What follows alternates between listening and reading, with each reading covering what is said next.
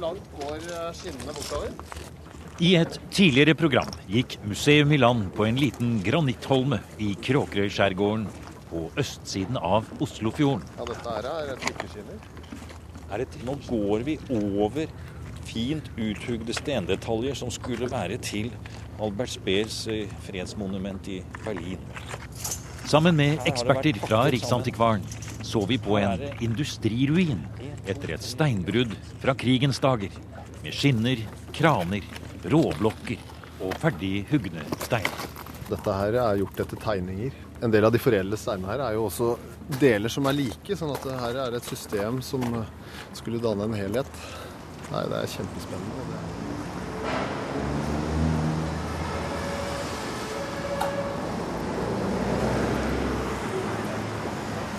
Nå står vi da like ved Brandenburger Tor. Egentlig den gamle byporten mot Brandenburg, men som var symbolet på Prøyserstaten. Og som senere ble symbolet på den kalde krigen.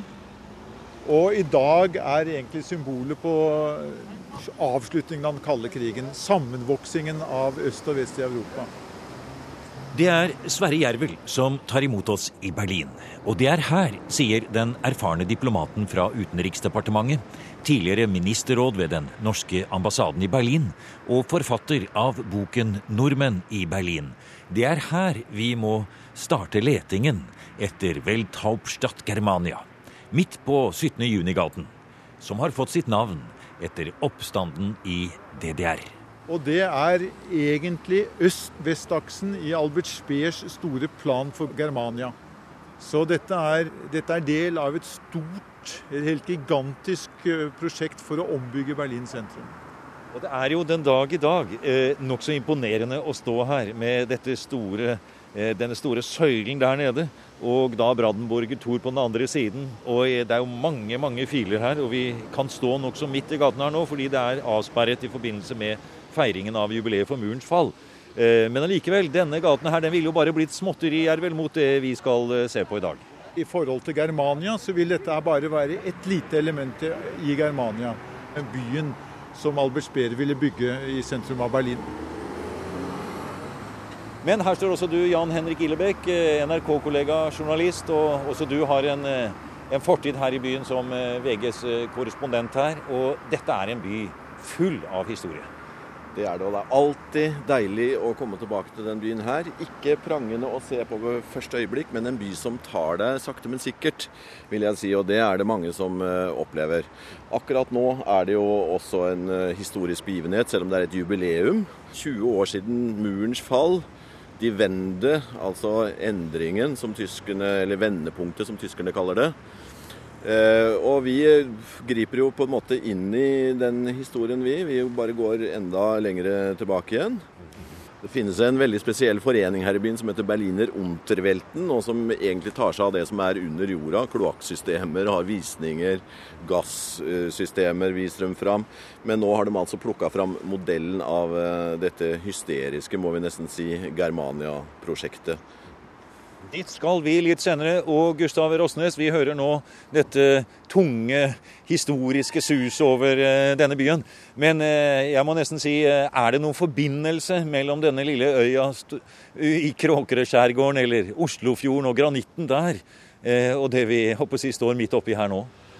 Man kan jo undres om de som sitter der nede med grindpølsene sine i sommeridyllen om de er klar over de store linjene ut i verden. Fra eh, Råholmen og steinen der og til et uhyre dramatisk, blodig eh, sluttoppgjør under andre verdenskrig, eh, der storhetsvanviddet var manifestert i disse byggeprogrammene. Og ikke minst hvordan det ender i blodig, en blodig katastrofe der eh, som det betyr død og fordervelse for befolkningen, på bekostning av en gal diktator. Det går en slags eh, linje, kan man si, en historisk linje gjennom at man da i Oslofjordområdet skulle levere nær sagt råstoff i form av stein til disse byggeriene som ble planlagt her. Ja, det var eh, forutsetningen for det at i tillegg til byggekvalitetene har eh, solid stein, så var jo granitten òg uttrykk for det bestandige for tusenårsriket som det ble fantasert av.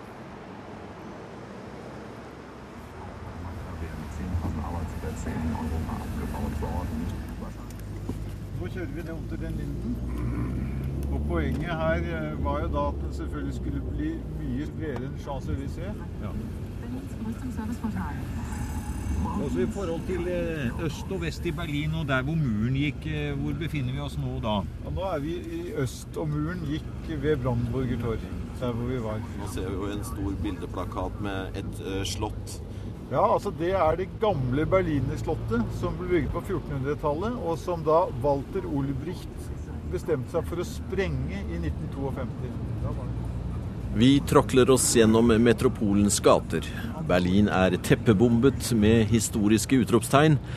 Ferden går sydover fra Alexanderplatz mot Kreuzberg, i retning den nedlagte flyplassen Tempelhof, tegnet av Albert Speer. Men det er et annet Speer-prosjekt vi skal besøke. Schwerbelastungskörper kalles det på tysk. Det betyr belastningskropp. Ingeniørene måtte ha et måleinstrument for å teste om Berlins grunn ville tåle tyngden av Germania.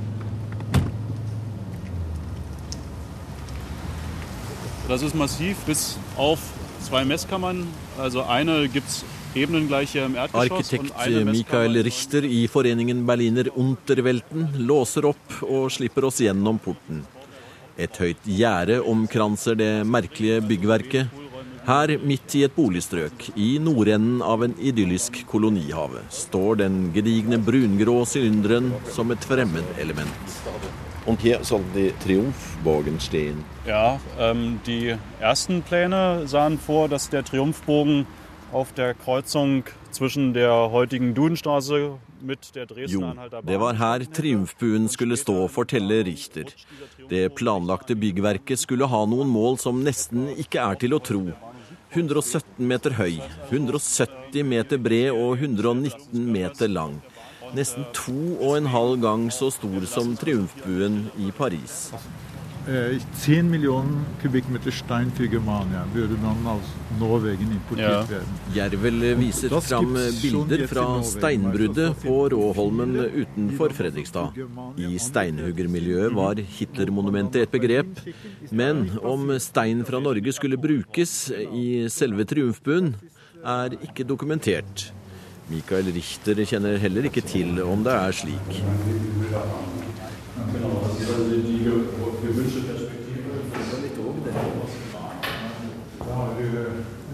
Det gir en underlig følelse å gå inn i det eneste fysiske eksempelet på verdenshovedstaden Germania. Over oss tynger 12 650 tonn betong. Det drypper fra taket. Gamle verktøyskap og utstyr fra krigens dager ligger nå igjen i det mørke rommet. Flere etasjer under oss er kamrene hvor måleinstrumentene sto. Es ist ja leider nicht möglich, jederzeit hierher zu kommen, sondern immer nur zu festen Führungszeiten. Ja. Aber diese Führungen, die jetzt ähm, diesen Jahr gelaufen sind, hatten. Es ist ein Denkmal für Germania, die Hauptstadt. Das ist, so ist es unter Denkmalschutz gestellt worden. Als er dette et minnesmerke for verdenshovedstaden Germania? Nei, stedet ble fredet i 1995 fordi det er det synligste tegnet på Albert Speers byplanlegging under nasjonalsosialismen. Derfor er det vel feil å si at det er et minnesmerke for, men heller et minnesmerke mot. Det er egentlig kein Denkmal for, man må fast eher sagen, det er ein Denkmal dagegen. Ja. På så skulle de legge på altså 16 meter med jord. Ja. Er det slik at vi kan komme opp der? Ja, ja. ja. Vi er på vei opp i et nytt tårn som er bygget rett ved siden av Schwerbelastungskörper. Et utkikkspunkt for besøkende. Det er utrolig imponerende hvordan de har bygd og tilrettelagt for besøk og forståelse rundt dette stedet her òg, da. Jo, det er imponerende også selvfølgelig fordi dette er jo en sår og pinlig del av tysk historie for de som nå vokser opp. Men igjen, de har sånn, vært villige til å se det i øynene ja. og bearbeide det. Å, det er, det er tåke utover Berlin i dag. Regnet siler ned. Men likevel, vi står her jeg vel og ser utover. vi ser utover det vi kan se. Ja. ja vi ser altså hvordan denne gigantiske nord-sør-aksen skulle gå, som kom til å prege hele det nye Berlin som Hitler ønsket å bygge opp.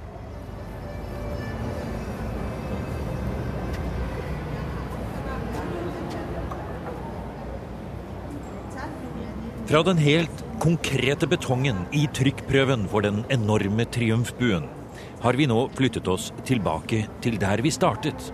Bare noen hundre meter fra Brandenburger Tor og Unter den Linden. I utkanten av trærne i Tiergarten, i Hanna Arendtstrasse, like ved det helt nye holocaust-minnesmerket, går vi inn i en av utstillingene til Berliner Unterwelten. Og her møter vi nazistenes fantasi om verdens største by. Mytos Germania. Oi, oi, oi. Fantastisk. Ja, ja. Dette er da historiens største byplanleggingsprosjekt. Nei, det er helt utrolig. Men dette er gigantomanien til Hitler og Albert Speer. Dette skulle være da uttrykk for eh, det tredje rikes storhet. Så alle som kom til en sånn hovedstad, måtte selvfølgelig bli imponert av eh, det tredje rikes makt og status. Sammen med Sverre Jervel, som kjenner Berlins historie godt etter mange år som norsk diplomat her i byen, og Gustav Rossnes fra Riksantikvaren, står vi foran en stor modell av Hitlers nye verdenshovedstad. Welthauptstadt Germania. Kom og se på denne delen av Brandenburger Tor. Altså denne bitte lille bygningen her i Germania er altså da Brandenburger Tor. Modellen fyller et helt rom og er en kopi av den originale, som brant opp da Berlin falt i april 1945. Riksdagen er altså blitt en bitte liten bygning i forhold liksom til folkets store hall. Så alt igjen markerer makten og statusen til dette nye Tredje riket. Modellen vi ser er gitt til foreningen Berliner Unterwelten av filmselskapet som laget De Untergang, Hitlers siste dager. På veggene henger det bilder av originale arbeidstegninger som forteller hvordan byggingen skulle foregå fra 1938 til den planlagte åpningen i 1952. Og det er, som Gustav Rosnes sier, de voldsomme dimensjonene er vanskelig å fatte. Altså Når man er målløs, så griper man gjerne til sitater. Og da ligger det nær å sitere Speers far, som også var arkitekt. Når han ble presentert for modellen, så sa han bare til sønnen Er dere blitt gale alle sammen? Ja. Det er eh, det islettet av galskap det, den storslåtte galskapen som uh, slår en. Men altså, det har også en annen side. Én ting var Hitlers grenseløse celledyrkelse. Men her er tydelig størrelse et poeng i seg sjøl. Og det som går igjen i Speers uh, biografi om uh, planleggingen, det er jo hele tiden at de sammenligner med kjente bygg andre steder i verden skal de være større. Skal de være større enn triumfbuen. Triumfbuen i Paris den får plass inni buen til Hitlers triumfbue. Jernbanestasjonen der eh, sammenlignet med den er i hvert fall mye større enn Grand Central Station i New York. Så de skotter seg hele tiden over skulderen. Så vi har fall større. Ja, fantastisk. Vi går og ser rundt denne store modellen som er her, og forstår nesten ikke. Hvis vi tenker litt på dimensjoner og, og størrelse her. Se på denne kuppelen da som reiser seg over det hele. Altså, var det helt tatt, Ville det vært på å si, ja, mulig å få det til? Er det noen paralleller til dette i andre byer som du tenker på her, når du ser dette her? Ikke rent størrelsesmessig. Uh, rent teknisk så mente de å kunne få det til. Og det er ganske typisk at i kuppelen så var den tidsbestemte situasjonen litt avgjørende, for der måtte Speer eh, bryte med sin ruinideologi. fordi at Eh, de bestemte seg for å bruke støpejern i betongen. fordi at hvis det ble luftangrep, det ble truffet av bombe, så måtte de eventuelt kunne reparere kuppelen. Det ville de kanskje ikke klart, hadde det blitt støpt i et stort skall. Og eh, flyministeren var jo imot den store kuppelen. For den, den ville stikke opp gjennom skydekket og kunne være et ypperlig målangivelse. Men, men, men, Hitler hadde jo svar på det også, han. Ja, ja, ja. ja, ja. Liksom, Goebbels hadde garantert det skulle komme et fiendtlig fly innover tysk territorium. Det fantastiske er at her sitter da en del folk i Berlin og planlegger en gigantisk uh, ny hovedstad. Og én kostnad ved det er at store deler av norskekysten skal brytes opp. Altså Svaberg fra, fra Iddefjorden langt ned i Agder skal brytes opp for å skaffe da 10 millioner kubikkmeter stein som skal transporteres til Berlin og brukes til å bygge opp denne gigantiske Germania. Og så har du undersøkt og engasjert deg i eh, dette prosjektet og denne linken til eh, Østfold og Agder i mange år.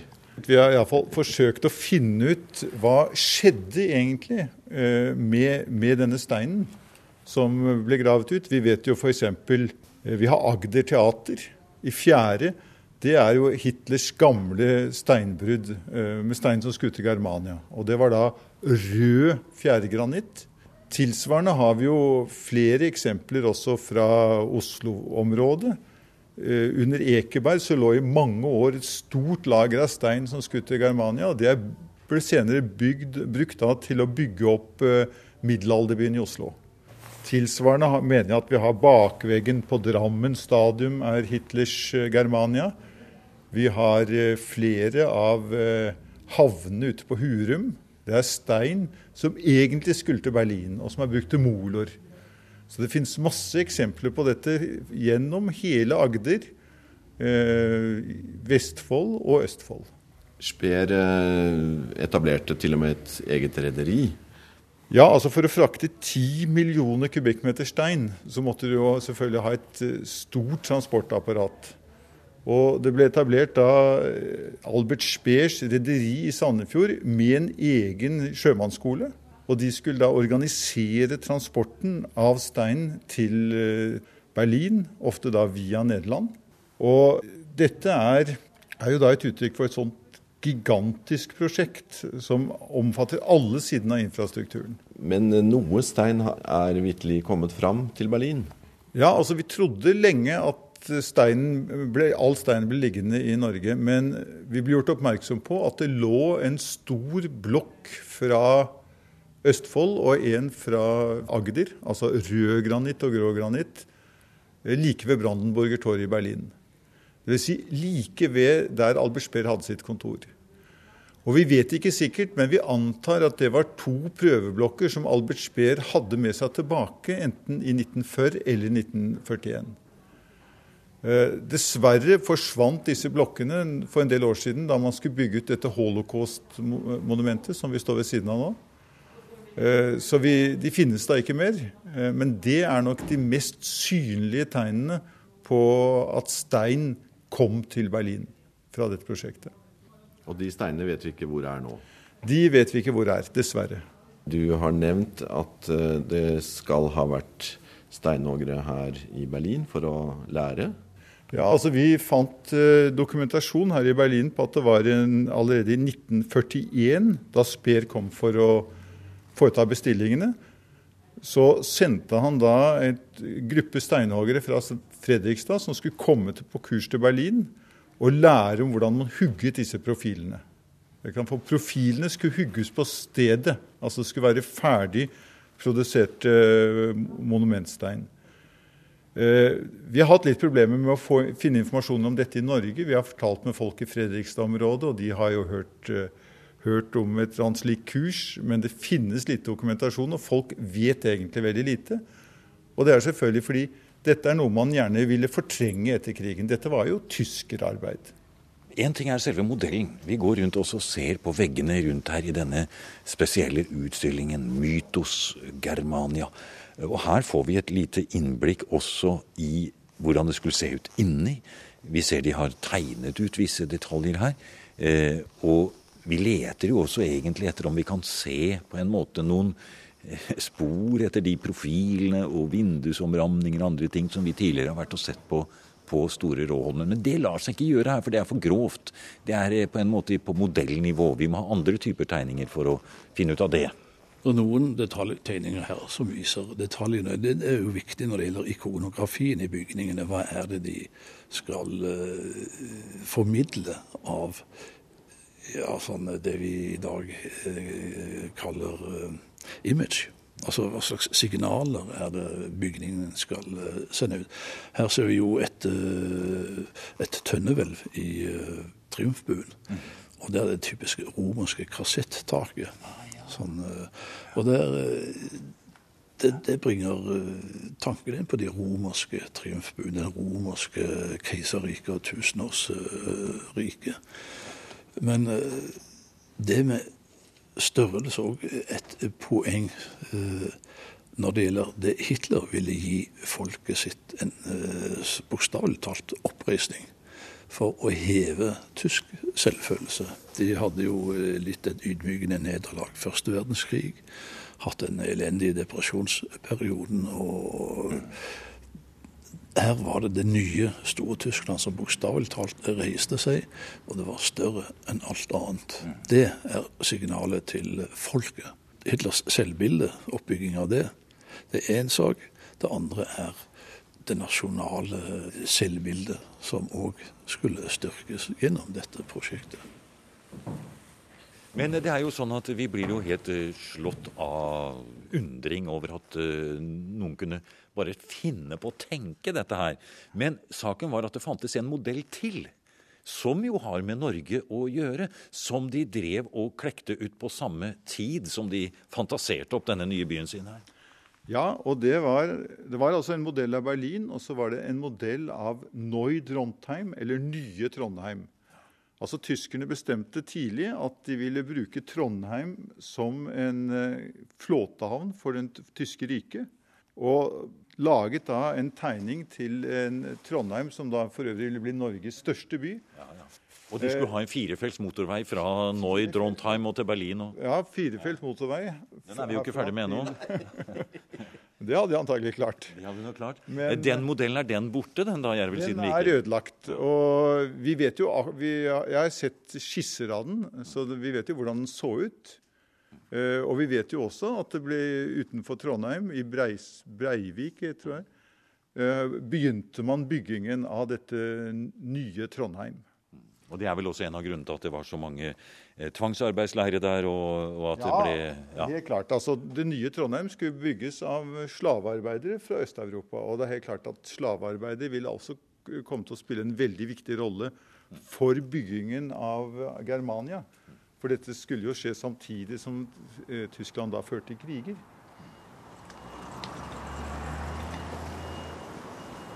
De utrolige kontrastene mellom Det tredje rikes stormannsgalskap og granittskjærgården i Oslofjorden henger fortsatt i oss når vi går ut på gaten foran utstillingen av Mytos Germania. Men se der borte, sier Jervel, og peker på et lite skilt hvor det står markert at her lå førerens bunker. Altså DDR-staten vil jo skjule hele førerbunkeren. Så de er fylt på med jord og laget en parkeringsplass. Ja, Det er den parkeringsplassen vi står og ser. Det er den parkeringsplassen. Den er over førerbunkeren. Ja.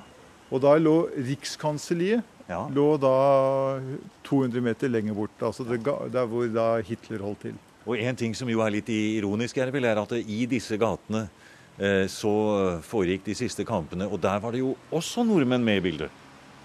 Ja, altså I sluttkampen i Berlin så var da Panserdivisjon Nordland veldig viktig. Så vi regner med at noen av de siste som falt i kamp i Berlin, det var ungdommer fra Østerdalen og Trøndelag, faktisk. Og det var vel like ved her, da, hvis man skal tro historien, at eh, Hitler også da ble brent etter han var død? Ja, ja. Altså, man, altså eh, den lysstaken der, altså den store eh, lampen der Ja, ja, ja. Som lyser opp parkeringsplassen der, ja. På parkeringsplassen. Ja. Den står akkurat der hvor denne, dette, denne betongoppbyggingen var. og foran den så ble Hitler da brent. For et eh, symboltungt sted. Og i dag er det en ikke engang asfaltert eh, parkeringsplass. Det er eh, vanndammer og sand og blader som da drysser utover der. Og så dette lille skiltet, da. Og snur vi oss, så ser vi resultatene av nær sagt da Hitlers ideologiske og politiske tenkning. Her er Holocaust-museet. Ja, akkurat. Og det er jo blitt et fantastisk monument. Ja. Nei, det er jo en fantastisk by som bærer i seg veldig mye av de siste 100 års europeiske historie. Altså Man kan faktisk gjøre vandringer i vår egen historie de siste 100 år ved å gå gatelangs her i Berlin. Det gjelder selvfølgelig Prøyserstaten. Det gjelder eh, Hitler-staten. Eh, det gjelder DDR-staten. Og det gjelder eh, den kalde krigen. I løpet av 150 år har altså fire store regimer vokst fram her og falt sammen. Du har nå hørt programmet Museum som podkast fra NRK. Museum sendes i NRK P2 på lørdager og søndager. Du finner flere programmer på nrk.no podkast.